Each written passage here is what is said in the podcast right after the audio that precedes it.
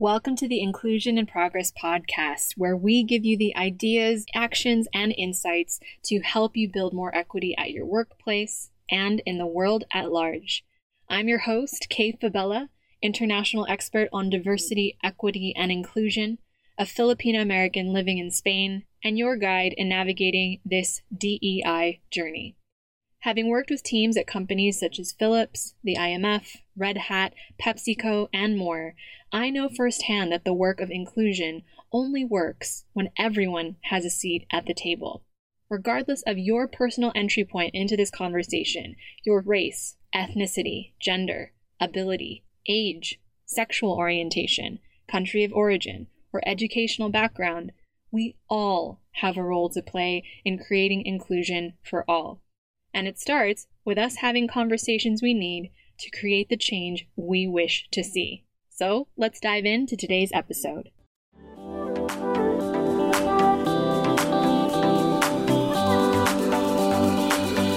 In this episode of Inclusion in Progress, we're pleased to welcome Nadia Ismail. Nadia Ismail is a diversity, equity, and inclusion professional who currently works at DoorDash in the US. She has a passion for empowering and elevating the voices of underrepresented groups, both within companies as well as in her activism. She is somebody who I truly came to admire quickly because of her incredible insights that she brought to our April 2020 roundtable conversation with big tech firms on diversity, equity, and inclusion and the future of work culture. And I'm so excited for you to dive into this episode with us today. All right, welcome back to Inclusion in Progress. I'm super excited to have on with us today Nadia Ismail, um, who is a diversity, equity, and inclusion professional and currently working at DoorDash. And I'm excited to have her on, not just as somebody who I've come to admire very quickly in this space, but also as someone who we had on our roundtable at the end of April. So, welcome, Nadia. I'm so glad to have you here. Thank you. I'm happy to be here. So, I guess before we get started, tell us a bit about yourself, your work, and how you got started in DEI, but specifically around the learning and development space, because I think it's such an interesting angle to come into this conversation. And I'd love to hear how you landed on that path. Yeah, uh, so I began my professional career in business psychology, which is a fancy um, way of just saying like we're we're studying an MBA where we're studying people instead of numbers. And so I got my master's in industrial and organizational psych, and through that, I developed a passion just for helping people help themselves and have fun while doing it. Um, that's the idea of learning and development. So I actually began my career in learning and development. And through being in that space, I consistently found myself being the only um, in the room, whether it's the only woman, the only Muslim, the only Arab, the only you know leader under a certain age. It, there was a constant trend of being that only um, and having to advocate for myself, and so it really put me on to the work of diversity and inclusion to help um, other underrepresented groups understand how to advocate for themselves and uh, to be like really aware of the systems that we're working within and you know the capitalist structure that we're trying to retrofit ourselves in that weren't wasn't built for us I love that. And I think that's so critical, especially because given it, it's so aligned with what we're doing here at Inclusion in Progress, because we talk about the importance of how do we empower you to go from only to one of many, because ultimately mm-hmm. it's about empowering the people who don't have to feel what we felt in terms of exclusion or isolation. And I love that you are not just advocating it and living it, but also you're showing people how to do it through the learning and development solutions that you design. So I'd love to hear a little bit more about, you know, what would be the first sort of tips that you'd give to somebody who is navigating a space that isn't necessarily built for them and tends to be dealing with that imposter syndrome dealing with that feeling of being an only. What would be some advice that you would give to them if they were if they were listening today? Yeah that's a really good question. I think I think the advice that i would give a person who's like first beginning to navigate this space is unapologetically and unequivocally understanding your worth. Coming into the space as a whether it's like a professional setting or maybe you are working like at a nonprofit on the side and you're noticing that like your voice isn't being heard or maybe it's in a family setting or what have you i think like doing a personal audit to fully feel grounded in your competencies and like what you bring to the table will allow you to show up whole because i think that there is lots of um, different behaviors and decisions and actions that can be taken that will quickly work to discredit you and make you feel like an imposter. So, to show up whole and to be able to advocate for yourself in this space and be empowered, you must understand your own worth. I love this idea of showing up whole. I think that's super powerful. And so I'd love to hear if we can go back to the fact that you've built your background in learning and development and continue to actually deliver solutions around that. What does, or what would you say is when somebody is in the process of starting their DEI journey? When they're going through a learning and development solution that you're designing? What are the different phases that you find that you have to walk them through to get them to a place of whether it's allyship or taking action, especially given the context of our conversation now around anti racism. What is that process that you have to guide people through comfortably to actually, or uncomfortably, as it were, because I know that's part of learning and development, um, that you have to kind of map out the journey for them to know how to deliver a solution that's made for getting them to the outcome that you want them to get to? Yeah, absolutely. So I think in general, there's a reason why this body of work is called learning and development because you learn before you develop. And to get there, irrespective of, you know, this challenging conversation we're having around allyship and anti-racism, but even if you're just trying to shift your habits in time management or the way that you organize your work, there's actually a framework that people often have to get through to learn effectively. And so you often find yourself initially in like a comfort zone. Um, and that comfort zone is is your norm. It's what you're used to working with. It's something you know you can act in this space with your eyes closed. Um, you're very comfortable with the people that you're around the tasks that you're given etc and so we want to move you out of that comfort zone with the ultimate goal of getting you into a growth zone. But there are steps in between those. And so before you can get to that space oftentimes when people are dipping their toe in a new water they actually enter into a fear zone because the first kind of interactions with something that you don't know or something that might make you feel inadequate or insecure because you are unaware how to navigate it can cause fear. And the actions that come with that fear can be bigotry, it can be um, arrogance, it can be ignorance, right? And it's actually human nature to respond that way to things that you don't know. But being able to move outside of and transcend out of that fear zone into a learning zone is really where the work starts. And that's actually allyship. And so moving into a learning zone, you're acknowledging what you don't know. There's humility um, and acknowledgement in your being, and you're able to ask questions. You're able to do the personal work. It's a lot of individual learning.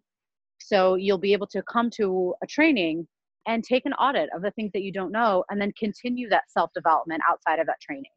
Um, and so that's really where allyship comes into play is being very aware of where you sit in this whole ecosystem.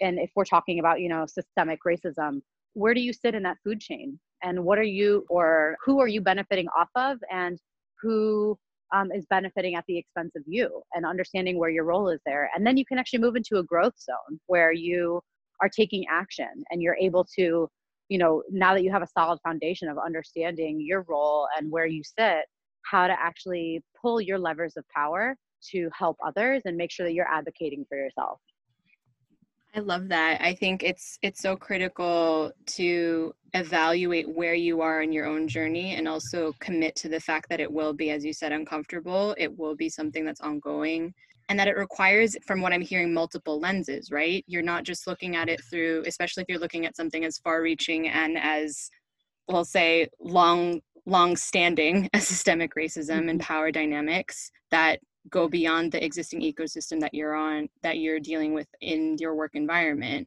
there's so many different right. Things that you have to kind of dive into aside from what's being presented to you as a solution right so that, that i love that you made the distinction between learning and then obviously development and the implication that it is ongoing and that you don't stop just because you right aha, you've gotten to a magic level of I am now an anti-racist. It doesn't work that way.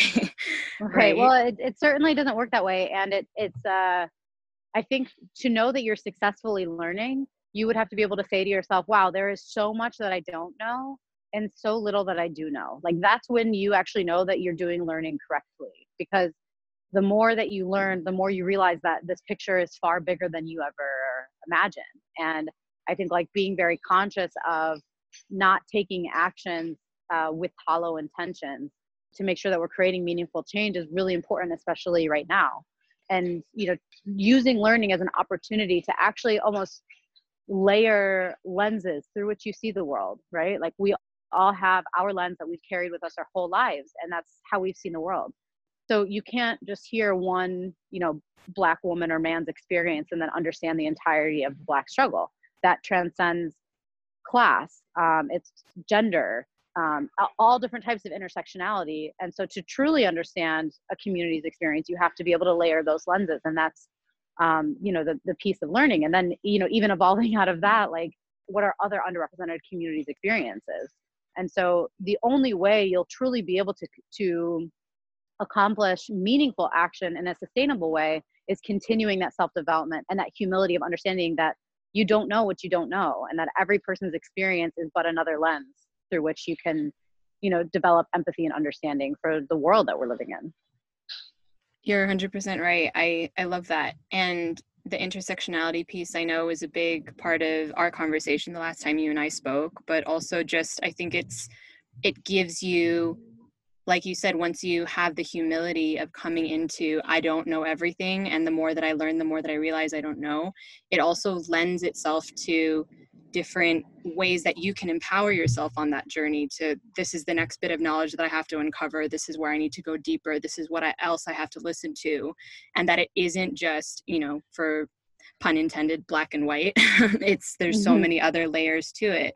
So I think as a natural thing i'm hearing my audience now in my head as i'm as i'm talking to you because something like this you know we'll say against the backdrop of what's happening when we're recording this with George Floyd and everything that's going on, not just in the US, but across the world, a lot of folks are coming to me now and are willing to do the work, but I'm worried that they may burn out before we even get them to the table to get far enough in that learning and development journey towards allyship and anti racist action. So, could you give some advice for people who are maybe ready to dive in. They're not even toe dipping in the water right now. They're like, I'm ready to mm-hmm. dive in. Can you speak to whether or not that's something that's, you know, smart at this stage for their learning and development journey? And if not, what would be a better alternative? Yeah, uh, that's a great question. And I feel quite strongly about this topic.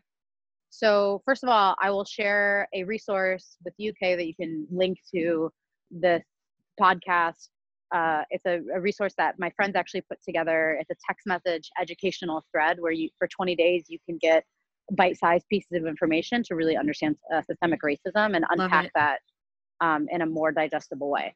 And so, to that point, I think that something for for the you know represented groups on the podcast that will be listening to it, I encourage you to think to yourself, like, why now? Why are you jumping into action right in this moment? Um, and I think the, the terrible incident that happened with George Floyd didn't suddenly change the like the system that we're living in. That was the system that bred that action, right? So like we have all been here, we've all been seeing this.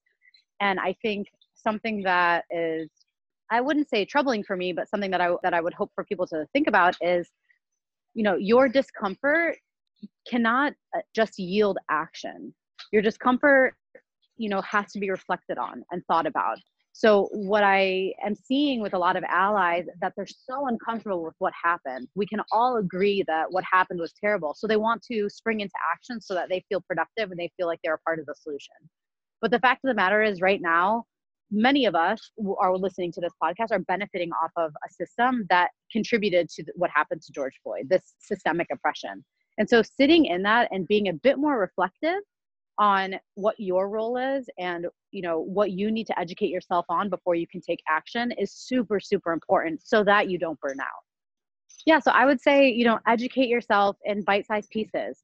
Be kind with yourself right? Like practice self-compassion. You know again this system wasn't built overnight and it's not going to be dismantled overnight. So figuring out what role you play there is going to take time. It's going to take time for you to fully educate yourself and fully spring into action and so for those that you know are hoping to be able to just like wake up and organize a rally like practice self-compassion with yourself because that likely won't be able to happen right like it's it's going to take time for you to learn how to navigate this space and um the most important thing as well, I would say, is not burdening the communities of color with your questions.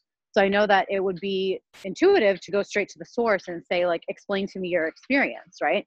But that's really an individual and personal journey. Like you you go study your history. Go study your country's history. It does not matter what country you are listening from. I guarantee you, if you are listening to this, that your country has engaged in systemic racism. So go learn your country's history, understand the role of the people in these systems, um, and then decide to spring into action, if that makes sense.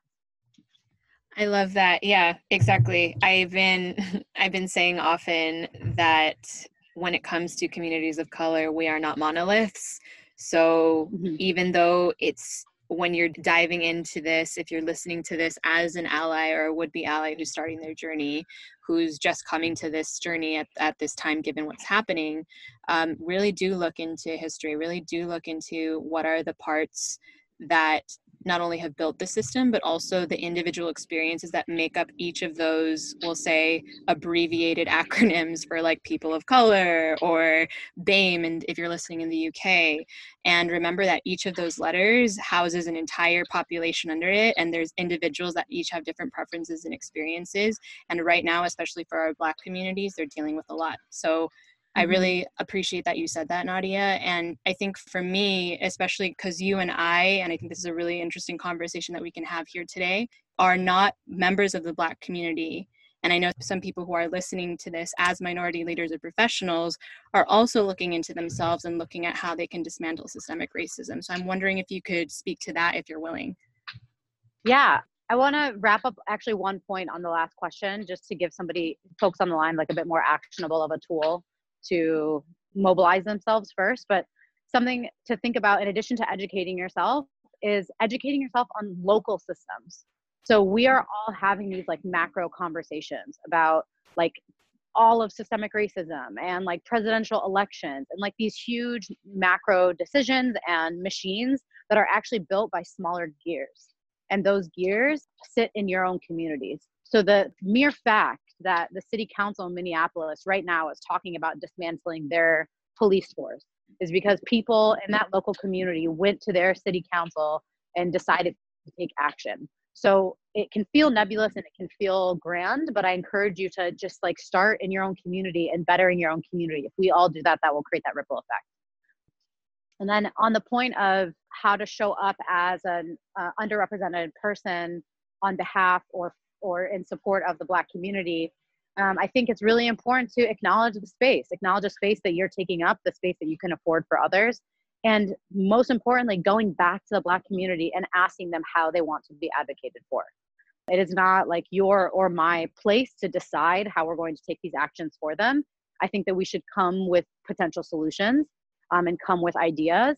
But this is their movement, this is their time to advocate for themselves. And so, you know, supporting them as a, a member of another underrepresented group does not mean that I equate the black struggle to the Muslim struggle or you know the Palestinian struggle in my example, but instead stand in solidarity with them and let this be about them and solely about them, and creating space for them. So yes. finding practitioners, particularly like if you could find like black uh, diversity, equity, inclusion professionals who have risen their hand and said, "I'm doing this for my work," but we're, and we're not tokenizing an individual to assume that they're doing this work ask them how would your community based on who you've spoken to like us to advocate for you and how can we you know create and promote spaces for you Thank you. Thank you for diving into that. I think it's really important for communities of color, especially who are non Black at this moment, at this stage in the movement. It's really, really important for us to decenter ourselves from the narrative and hand over the microphone to to the black community because it really is it, it's not a game of who's got it worse right now. It's how do we amplify their voices because that's the work that we need to do. So thank you for sharing that. And yeah. and i guess as a as a final question for me it's when you are encouraging people to to dive into this work in DEI from a learning and development lens what are or what would you say would be your sort of key learnings that you found over the years that you think that most learning and development solutions lack when it comes to DEI? And mm. second, what would be ways that you know we can have more of these conversations i think intersectionally coming back to your earlier point uh, especially around you know black white different communities of color the different ways that underrepresented groups are navigating these ecosystems that are still you know largely not built for us. If you could answer both of those questions especially from the learning and development perspective i'd really love to hear your thoughts. Yeah absolutely. So i think firstly when it comes to building learning and development solutions around this topic what is lacking is true alignment around commitment from the learners, I think. So, by that I mean when you are entering a space uh, to complete a training with me on diversity, equity, and inclusion, I'm not going to spit out a bunch of terms to you so that you feel like you have the vocabulary to sound quote unquote woke and then our work is done. But instead, I'm going to require of you to tell me what is your commitment for growth. We're going to follow up on that growth and we're not just going to go through a rolodex of definitions we're going to talk about you know the cycle of where you sit in that and how you have socialized racism or how racism has been socialized onto you. So i think when we think about building training solutions we need to make sure that we are not simply feeding the ego or curbing the discomfort that i talked about earlier that leads us to want to just spring into action but instead are sitting down to do the work and there's a huge difference there. And then in terms of you know being proactive to navigate this space as a person of color i think one conserve your energy. It is not your job to be the ambassador of all people of color in your workplace and you don't need to take on that role. If you mm-hmm. find it energizing and empowering to do so then do it with grace and practice grace and compassion with yourself. So allow yourself boundaries. When you don't want to answer questions.